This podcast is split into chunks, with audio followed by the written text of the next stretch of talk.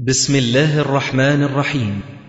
تسجيلات السلف الصالح للصوتيات والمرئيات والبرمجيات. تقدم هذا الإصدار لفضيلة الشيخ الدكتور محمد إسماعيل. إن الحمد لله نحمده ونستعينه ونستغفره ونعوذ بالله من شرور أنفسنا وسيئات أعمالنا.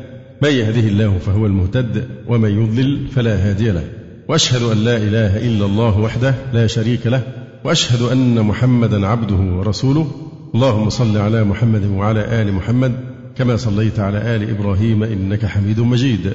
اللهم بارك على محمد وعلى آل محمد كما باركت على آل إبراهيم إنك حميد مجيد. أما بعد فنشرع بإذن الله تعالى في تفسير سورة الملك وهي السورة السابعة والستون في ترتيب سور المصحف الشريف. وهي سورة مكية وآيتها ثلاثون آية.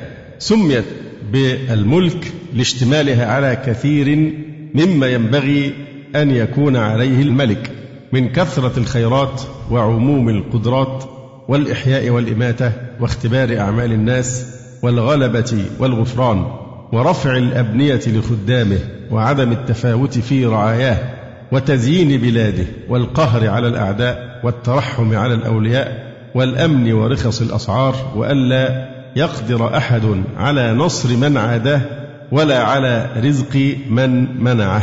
وتسمى أيضا سورة تبارك وثبت في فضلها كثير من الأحاديث منها ما رواه أصحاب السنن الأربعة وغيرهم واللفظ للترمذي عن أبي هريرة رضي الله تعالى عنه عن النبي صلى الله عليه وسلم قال إن سورة من القرآن ثلاثون آية شفعت لرجل حتى غفر له وهي تبارك الذي بيده الملك.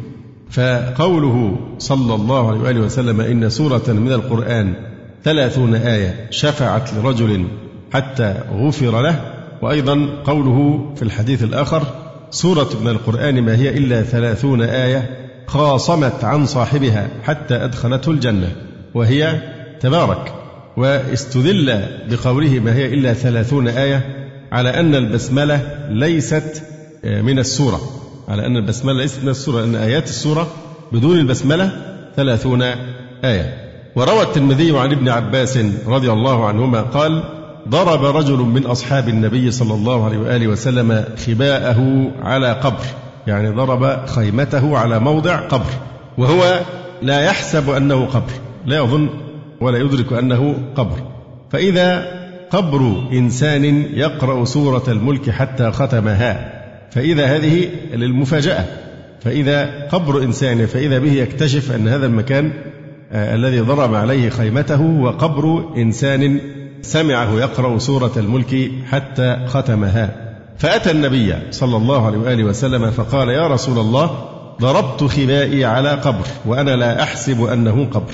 فإذا قبر إنسان يقرأ سورة الملك حتى ختمها فقال رسول الله صلى الله عليه وآله وسلم هي المانعة هي المنجية تنجيه من عذاب القبر. وكان صلى الله عليه وآله وسلم لا ينام حتى يقرأ ألف لام ميم تنزيل أي سورة السجدة وتبارك الذي بيده الملك. هذا أيضا مما يقرأه الإنسان قبل أن ينام. كان لا ينام صلى الله عليه وآله وسلم حتى يقرأ ألف لام ميم تنزيل وتبارك الذي بيده الملك. يقول الله تبارك وتعالى بسم الله الرحمن الرحيم. تبارك الذي بيده الملك وهو على كل شيء قدير. تبارك أي دام وثبت إنعامه أو تبارك تنزه عن صفات المحدثين. تبارك الذي بيده الملك. يقول ابن جرير أي تعاظم الذي بيده ملك الدنيا والآخرة. وسلطانهما نافذ فيهما أمره وقضاؤه وهو على ما يشاء فعله ذو قدرة لا يمنعه مانع ولا يحول بينه وبينه عجز. يعز من يشاء ويذل من يشاء ويحيي ويميت ويغني ويفقر ويعطي ويمنع تبارك وتعالى. يقول تعالى فسبحان الذي بيده ملكوت كل شيء فقوله تبارك الذي بيده الملك دام وثبت إنعامه أو تنزه عن صفات المحدثين. الذي بيده الملك يعني الذي بيده يعني الذي في تصرفه الملك. الذي بيده الملك. ما بيده؟ أحسنت. خبر مقدم. أين المبتدأ؟ الملك. الذي الملك في يده. فقدم الخبر وأخر المبتدأ. الذي بيده الملك بيده أي في تصرفه الملك أي السلطان والقدرة. وهو على كل شيء قدير. الذي خلق الموت والحياة. ما إعراب الذي هنا؟ بدل من الذي الأول.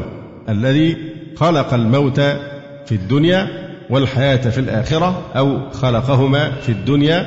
فالنطفة تعرض لها الحياة وهي ما به الإحساس. والموت ضدها أو عدمها. قولان. والخلق على الثاني بمعنى التقدير أي قدر الموت.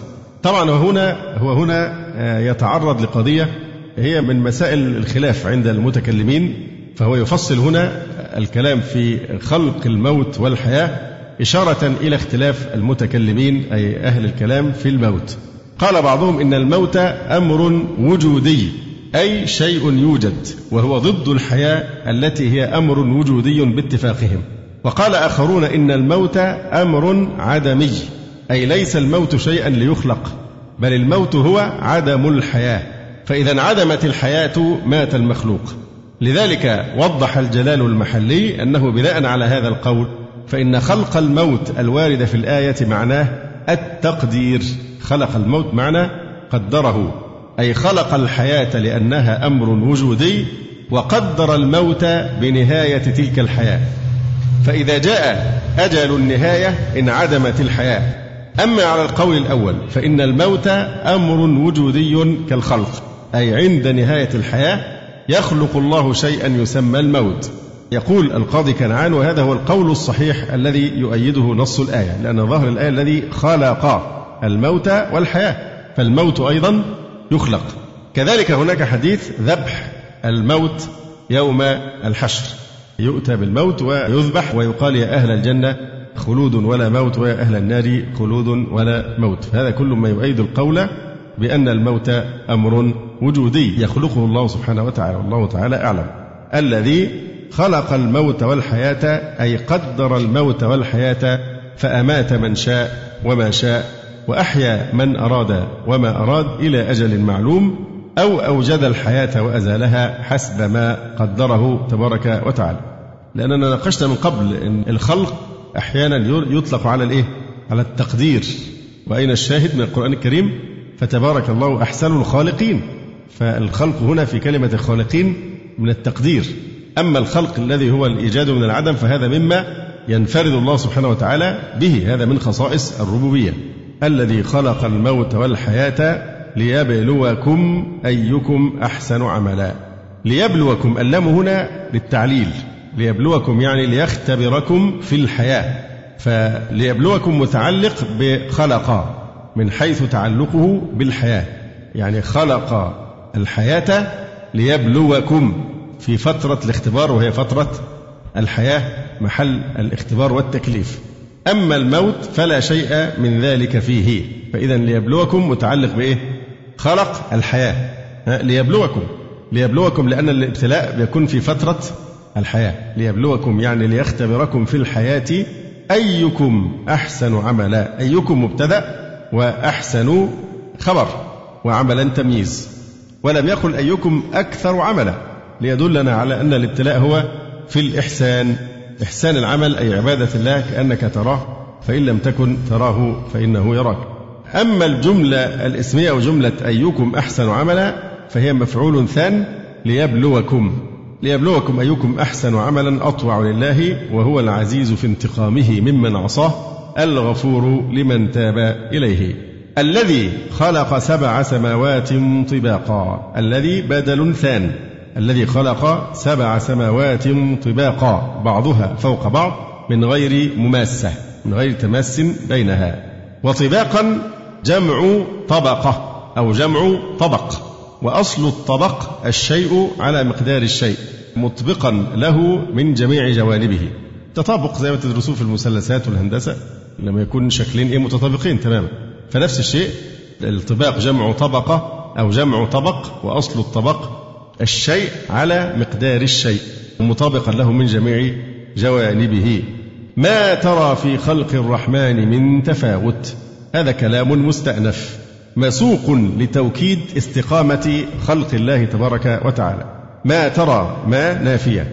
ما ترى الفاعل هنا مستتر يعود على من يصلح للخطاب.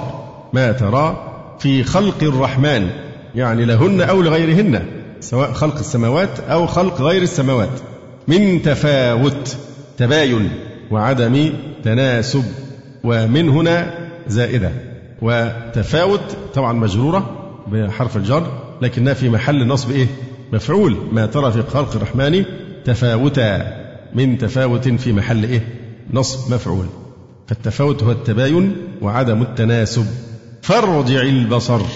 الفاء هنا تعليلية. لماذا تعليلية؟ لأن قوله فارجع البصر متسبب عن قوله ما ترى. في خلق الرحمن من تفاوت فارجع البصر. فارجع البصر أعده إلى السماء. هل ترى من فطور؟ هل ترى فيها من فطور؟ من فطور أيضا مفعول به. هي في محل إيه؟ نصب مفعول به. من فطور أي من صدوع وشقوق. والفطر الشق. يقال فطره فانفطر. وتفطر الشيء تشقق. فارجع البصر أعده إلى السماء. هل ترى فيها من فطور؟ من صدوع وشقوق. ثم ارجع البصر كرتين ينقلب إليك البصر خاسئا وهو حسير. ثم ارجع البصر كرتين يعني كرة بعد كرة. طبعا كرتين وإن كان لفظه لفظ المثنى إلا أنه لا يقصد به التثنية لكن المقصود به التكثير. ثم ارجع البصر كرتين ينقلب ينقلب مجزوم لأنه في جواب الطلب. ينقلب أي يرجع إليك البصر خاسئا حال. ذليلا. خاسئا يعني ذليلا لعدم إدراك خلل. وهو حسير. الواو حالية. وهو حسير حال. حسير أي منقطع عن رؤية خلل. منقطع عن رؤية خلل. يقال حسر بصره أي انقطع نظره من طول مدى وما أشبه ذلك. فهو حسير ومحسور أيضا من الحسور وهو الإعياء. فارجع البصر هل ترى من فطور؟ ثم ارجع البصر كرتين ينقلب إليك البصر خاسئا وهو حسير. ثم يقول تعالى ولقد زينا السماء الدنيا. طبعا في قوله تعالى ما ترى يعني يا ابن آدم أو من يناسب كما قلنا أو يصلح للخطاب. ما ترى في خلق الرحمن من تفاوت اختلاف أو تباين. وقراءة حمزة والكسائي ما ترى في خلق الرحمن من تفوت. فارجع البصر كرر البصر هل ترى من فطور؟ هل ترى فروجا أو صدوعا وتشققات قال بعض علماء الفلك اعلم أن لفظ السماء يطلق لغة على كل ما على الإنسان فإنه من السمو وهو العلو فسقف البيت سماء ومنه قوله تعالى فليمدد بسبب إلى السماء بحبل إلى السماء يعني سقف الإيه؟ البيت أو الحجرة ثم ليقطع وهذا الفضاء اللانهائي سماء. ومنه قوله تعالى كشجرة طيبة أصلها ثابت وفرعها في السماء والسحاب سماء لقوله تعالى أنزل من السماء ماء من السحاب والكواكب سماوات فالسماوات السبع المذكورة كثيرا في القرآن الشريف هي هذه السيارة السبع وهي طباق أي أن بعضها فوق بعض لأن فلك كل منها فوق فلك غيره. طبعا الكلام ده كلام القاسمي رحمه الله تعالى وفي عصره ربما علم الفلك الآن في طفرات عظيمة جدا فحتى لا يسلم أن الكواكب السيارات السبعة هي المقصودة بالسماوات السبعة إن زينا السماء الدنيا بزينة إيه؟ الكواكب. فهذا يؤيد أن ما نراه من السيارات كواكب السيارة في المجموعة الشمسية دي إيه؟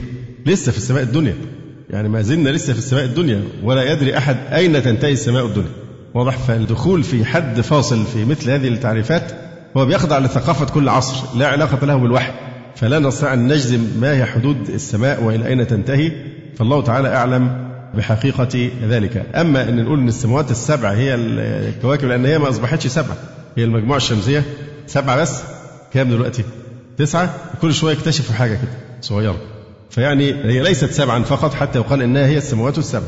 والآية تقول إن زينا السماء الدنيا بزينة الكواكب. فالكواكب دي زينة ما زالت فين؟ في السماء الدنيا والله أعلم أين تنتهي السماء الدنيا. حتى لو قلنا المجرة بحالها هي سماء لا ده في بلايين المجرات. فيعني الأمر فوق طاقة العقول أن تدركه.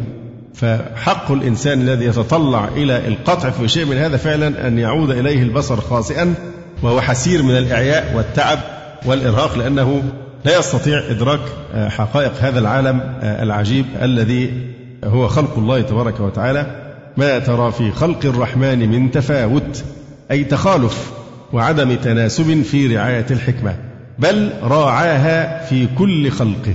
فارجع البصر يعني إن شككت في هذا فارجع البصر مرة ثانية. هل ترى من فطور؟ هل ترى من خلل؟ وكما قلنا أصل الفطور الصدوع والشقوق. يعني هل ترى من انشقاق أو انقطاع بين السماوات؟ كلا بل هي متجاذبة مرتبط بعضها ببعض من كل جهة. كما قال تعالى أفلم ينظروا إلى السماء فوقهم كيف بنيناها وزيناها وما لها من فروج. ثم ارجع البصر كرتين يعني مرة بعد مرة ينقلب إليك البصر خاسئا يعني مبعدا من قولك خسأت الكلب يعني باعدته وهو حسير يعني مطرودا عن إصابة المطلوب. وهو حسير أي معيي كال. قال الزجاج قد أعيا من قبل أن يرى في السماء خللا. يعني البصر يرجع حسيرا كليلا خاسئا منقطعا عن أن يلحق ما نظر إليه. فأصابه الإعياء حتى قبل أن يرى في الإيه؟ ولن يرى طبعا في السماء خللا. هل ترى من فطور؟ ثم ارجع البصر كرتين ينقلب إليك البصر خاسئا وهو حسير. خاسئا وهو حسير. قد أعيا من قبل أن يرى في السماء خللا. يقول القاضي نهاية كمال عالم الملك في خلق السماوات. لا ترى أحكم خلقا وأحسن نظاما وطباقا منها وأضاف خلقها إلى الرحمن. ما ترى في خلق الرحمن من تفاوت. فربط خلق السماوات والأرض بصفة الرحمة لأنها من أصول النعم الظاهرة ومبادئ سائر النعم الدنيوية. وسلب التفاوت عنها لمطابقة بعضها بعضا وحسن انتظامها وتناسبها. وإنما قال ثم ارجع البصر كرتين لأن تكرار النظر وتجوال الفكر مما يفيد تحقق الحقائق. وإذا كان ذلك فيها عند طلب الخروق والشقوق لا يفيد إلا الخسوء والحصور. فتحقق الامتناع وما أتعب من طلب وجود الممتنع. وما أتعب من طلب وجود الممتنع. هذا أسلوب تعجب. وما أتعب يتعجب من تعبه. يعني ما أشد تعب الشخص الذي إيه؟ يطلب وجود الممتنع الذي لا وجود له. يعني المستحيل أن يكون هناك في خلق الرحمن من تفاوت. فشيء طبيعي أنه يصيبه الإيه؟ الإعياء وأن يرتد خاسئا وهو حسير. يعني يروم طلب ما لن يجده أبدا. ما يستحيل وجوده وهو وجود تفاوت أو خلل في خلق السماوات والأرض. ثم يقول تبارك وتعالى ولقد زينا السماء الدنيا بمصابيح وجعلناها رجوما للشياطين. هذا كلام مستأنف مسوق للشروع في ذكر دلائل أخرى على تمام قدرته تعالى. ولقد زينا السماء الدنيا. الدنيا أي القربى إلى الأرض أقرب سماء إلى الأرض هي الدنيا. ولقد زينا السماء الدنيا بمصابيح بنجوم. وجعلناها رجوما يعني مراجم للشياطين. ما إعراب رجوما؟ مفعول ثان وجعلناها رجوما. الرجوم جمع رجم وهو مصدر سمي به المفعول أي ما يرجم به. ويجوز أن يكون باقيا على مصدريته ويقدر مضاف. ولقد زينا السماء الدنيا بمصابيح وجعلناها رجوما لأن الرجوم قلنا أنها جمع إيه؟ رجم ورجم مصدر. لكن المقصود به هنا المفعول يعني المرجوم ما يرجم به. يجوز أن يكون باقيا على مصدريته يعني على أن الرجوم جمع إيه؟ رجم لكن يقدر هنا مضاف. وجعلناها رجوما أي جعلناها ذات رجوم. وإنما جمع المصدر باعتبار أنواعه باعتبار تعدد أنواع ما يرجم به أو تعدد أنواع هذا الرجم. وجعلناها رجوما للشياطين إذا استرخوا السمع بأن ينفصل شهاب عن الكوكب كالقبس يؤخذ من النار فيقتل الجنية أو يخبله لا أن الكوكب يزول عن مكانه. وأعتدنا لهم عذاب السعير. هو الرجم بيكون بالإيه؟ بالنجوم أو بأجزاء من النجوم اللي هي الشهب الكومت الشهاب. لكن مش من الكوكب الرجم ما بيكونش بالكوكب لأن النجم دي كتلة إيه؟ غازية ملتهبة. زي الشمس ما الشمس نجم. أما الكواكب فلا ليست منيرة بتنير لأن ضوء الشمس ينعكس عليها. لكن هل هي منيرة مثل النجوم؟ لكن التعبيرات الدقيقة دي إذا حصل مخالفة في كلام المفسرين السابقين نتجاوز عنها ما ندققش معاهم لأن دي أيضا ثقافة عصر يعني. واضح؟ فالرجم لا يكون بالكواكب الرجم يكون بإيه؟ الشهب يعني الشهب. وللذين كفروا بربهم عذاب جهنم وبئس المصير. طبعا الذين كفروا بربهم عذاب جهنم المبتدأ هو إيه؟ عذاب جهنم وبئس المصير. طبعا المخصوص بالذم محذوف تقديره إيه؟ هي هي. إذا ألقوا فيها هذه الجملة مستأنفة. إذا ألقوا فيها أي في جهنم سمعوا لها شهيقا. سمعوا لها شهيقا أي صوتا صوتا منكرا كصوت الحمار. سمعوا لها شهيقا وهي تفور. الواو حالية. من الهاء في قوله تعالى لها. إذا ألقوا فيها سمعوا لها. شهيقا وهي تفور فهي حال من الهاء في لها. تفور يعني تغلي. تكاد تميز من الغيظ. هذه الجملة أيضا مستأنفة. كأنها وقعت جوابا لسؤال سائل. فيأتي الجواب تكاد تميز تتقطع يعني من الغيظ. هذا من أفعال الإيه؟ المقاربة. تكاد من أفعال المقاربة. تكاد تميز وقرئ شذوذا قراءة شاذة تكاد تتميز على الأصل يعني تتقطع وتتقصف غضبا وينفصل بعضها عن بعض لشدة اضطرابها من الغيظ غضبا على الكفار. ما إعراب من الغيظ؟ أحسنت. تكاد تميز إيه من الغيظ؟ يعني إيه؟ غيظا أو تغيظا. فهي في محل نصب على التمييز. من الغيظ يعني غضبا على الكفار. كلما ألقي فيها فوج أي جماعة منهم سألهم خزنتها سؤال توبيخ ألم يأتكم نذير؟ ألم الهمزة للاستفهام التقريري التوبيخي ألم يأتكم نذير؟ ما إعراب جملة ألم يأتكم نذير؟ هم يبقى إيه هم؟ مفعول به أول. طيب فين المفعول به الثاني؟ ألم يأتكم نذير؟ سألوهم قالوا لهم إيه؟ يبقى مفعول به ثاني سألهم يبقى هم هو مفعول أول ألم يأتكم نذير؟ الجملة في محل نصر مفعول به ثان لسأل. الإعراب مهم جدا إحنا بدأنا تفسير الجلالين من أول سورة ياسين. أنا كل همي أن أن تدركوا أهمية اللغة العربية في فهم القرآن فهما صحيحا صحيح التفسير ليس شاملا لكل جوانب التفسير. نحن بسرعة بنلم بالقراءات بالإعرابات المهمة بالمفردات الغريبة وهكذا. يعني كلها فوائد سريعة لكن أهم شيء أن تدركوا أنه لا يمكن أن تفهم القرآن فهما صحيحا بدون إحسان اللغة العربية. لا يمكن. سألهم خزنتها ألم يأتكم نذير؟ أي رسول ينذركم عذاب الله تعالى؟ قالوا بلى قد جاءنا نذير. هذه الجملة مستأنفة وهي جواب سؤال مقدر. كأنه قيل بعد قوله تعالى سألهم خزنتها ألم يأتكم نذير؟ فماذا قالوا بعد السؤال؟ فقال قالوا بلى قد جاءنا نذير. قالوا بلى قد جاءنا نذير. هذا مقول القول. طيب ما إعرابنا في قوله قد جاءنا طب إيه إعراب نذير؟ فاعل مؤخر يبقى نا مفعول مقدم. نذير فاعل إيه؟ مؤخر. فكذبنا وقلنا ما نزل الله من شيء إن أنتم إلا في ضلال كبير. طبعا من شيء في محل نصب مفعول به. إن أنتم إن هنا نافية يعني ما أنتم إلا أداة حصر في ضلال كبير. يحتمل أن يكون من كلام الملائكة للكفار حين أخبروا بالتكذيب. فكأن الكفار يقولون بلى قد جاءنا نذير فكذبنا وقلنا ما نزل الله من شيء. فترد عليهم الملائكة وتقول لهم إن أنتم إلا في ضلال كبير. ويحتمل أن يكون من كلام الكفار للنذر قالوه لهم في الدنيا. يبقى مقول القول إيه؟ فكذبنا وقلنا إيه مقول القول؟ ما نزل الله من شيء إن أنتم أيها الرسل أو أيها النذر إلا في ضلال كبير. واضح؟ يبقى احتمال أنه رد من الملائكة عليهم ويحتمل أنه تمام قول الكافرين للرسل الذين أنذروهم. وقالوا لو كنا نسمع أو نعقل ما كنا في أصحاب السعير. أي من أهل النار. وقالوا لو كنا نسمع أي سماع تفهم أو نعقل هم يسمعون لكن سماع العجموات يعني البهائم والطيور والحيوانات كلها عندها حاسة السمع. لكن هل هو سماع عقل؟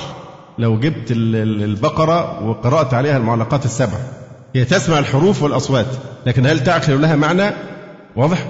ولذلك قال تعالى ومثل الذين كفروا كمثل الذي ينعق بما لا يسمع إلا دعاء ونداء. صم بكم عمي فهم لا يعقلون. مثل الذين كفروا مع الرسل كمثل الذي آه، ومثل الذين كفروا كمثل الذي ينعق يرفع صوته داعيا ومناديا بما لا يسمع. إلا دعاء ونداء. فالبهائم تسمع الأصوات لكن لا تعقل لها أي معنى. كل الأصوات عندها يعني إيه آه، معانيها يعني متشابهة. لا يميز هذا من ذاك. ها؟ وقالوا لو كنا نسمع سماع تفهم أو نعقل أي عقل تفكر. ما كنا في أصحاب السعير أي ما كنا من أهل النار. ولذلك بعض العلماء يرون أنه لا ينبغي أن يوصف الكافر بالعقل. طبعا واضح هنا في الآية الكريمة آه، بيان آه، طريقي العلم. إنسان يتعلم آه، مصادر العلم إما بالعقل أو بالإيه؟ أو بالنقل بالسمع والآثار. إيتوني بكتاب من قبل هذا أو أثارة من علم إن كنتم صادقين. فقالوا لو كنا نسمع أو نعقل فهذا دليل على أن الاستدلال يكون بالأدلة السمعية النقلية من الوحي الشريف أو نعقل بالأدلة الإيه؟ العقلية. نعم. ما كنا آه، في أصحاب السعير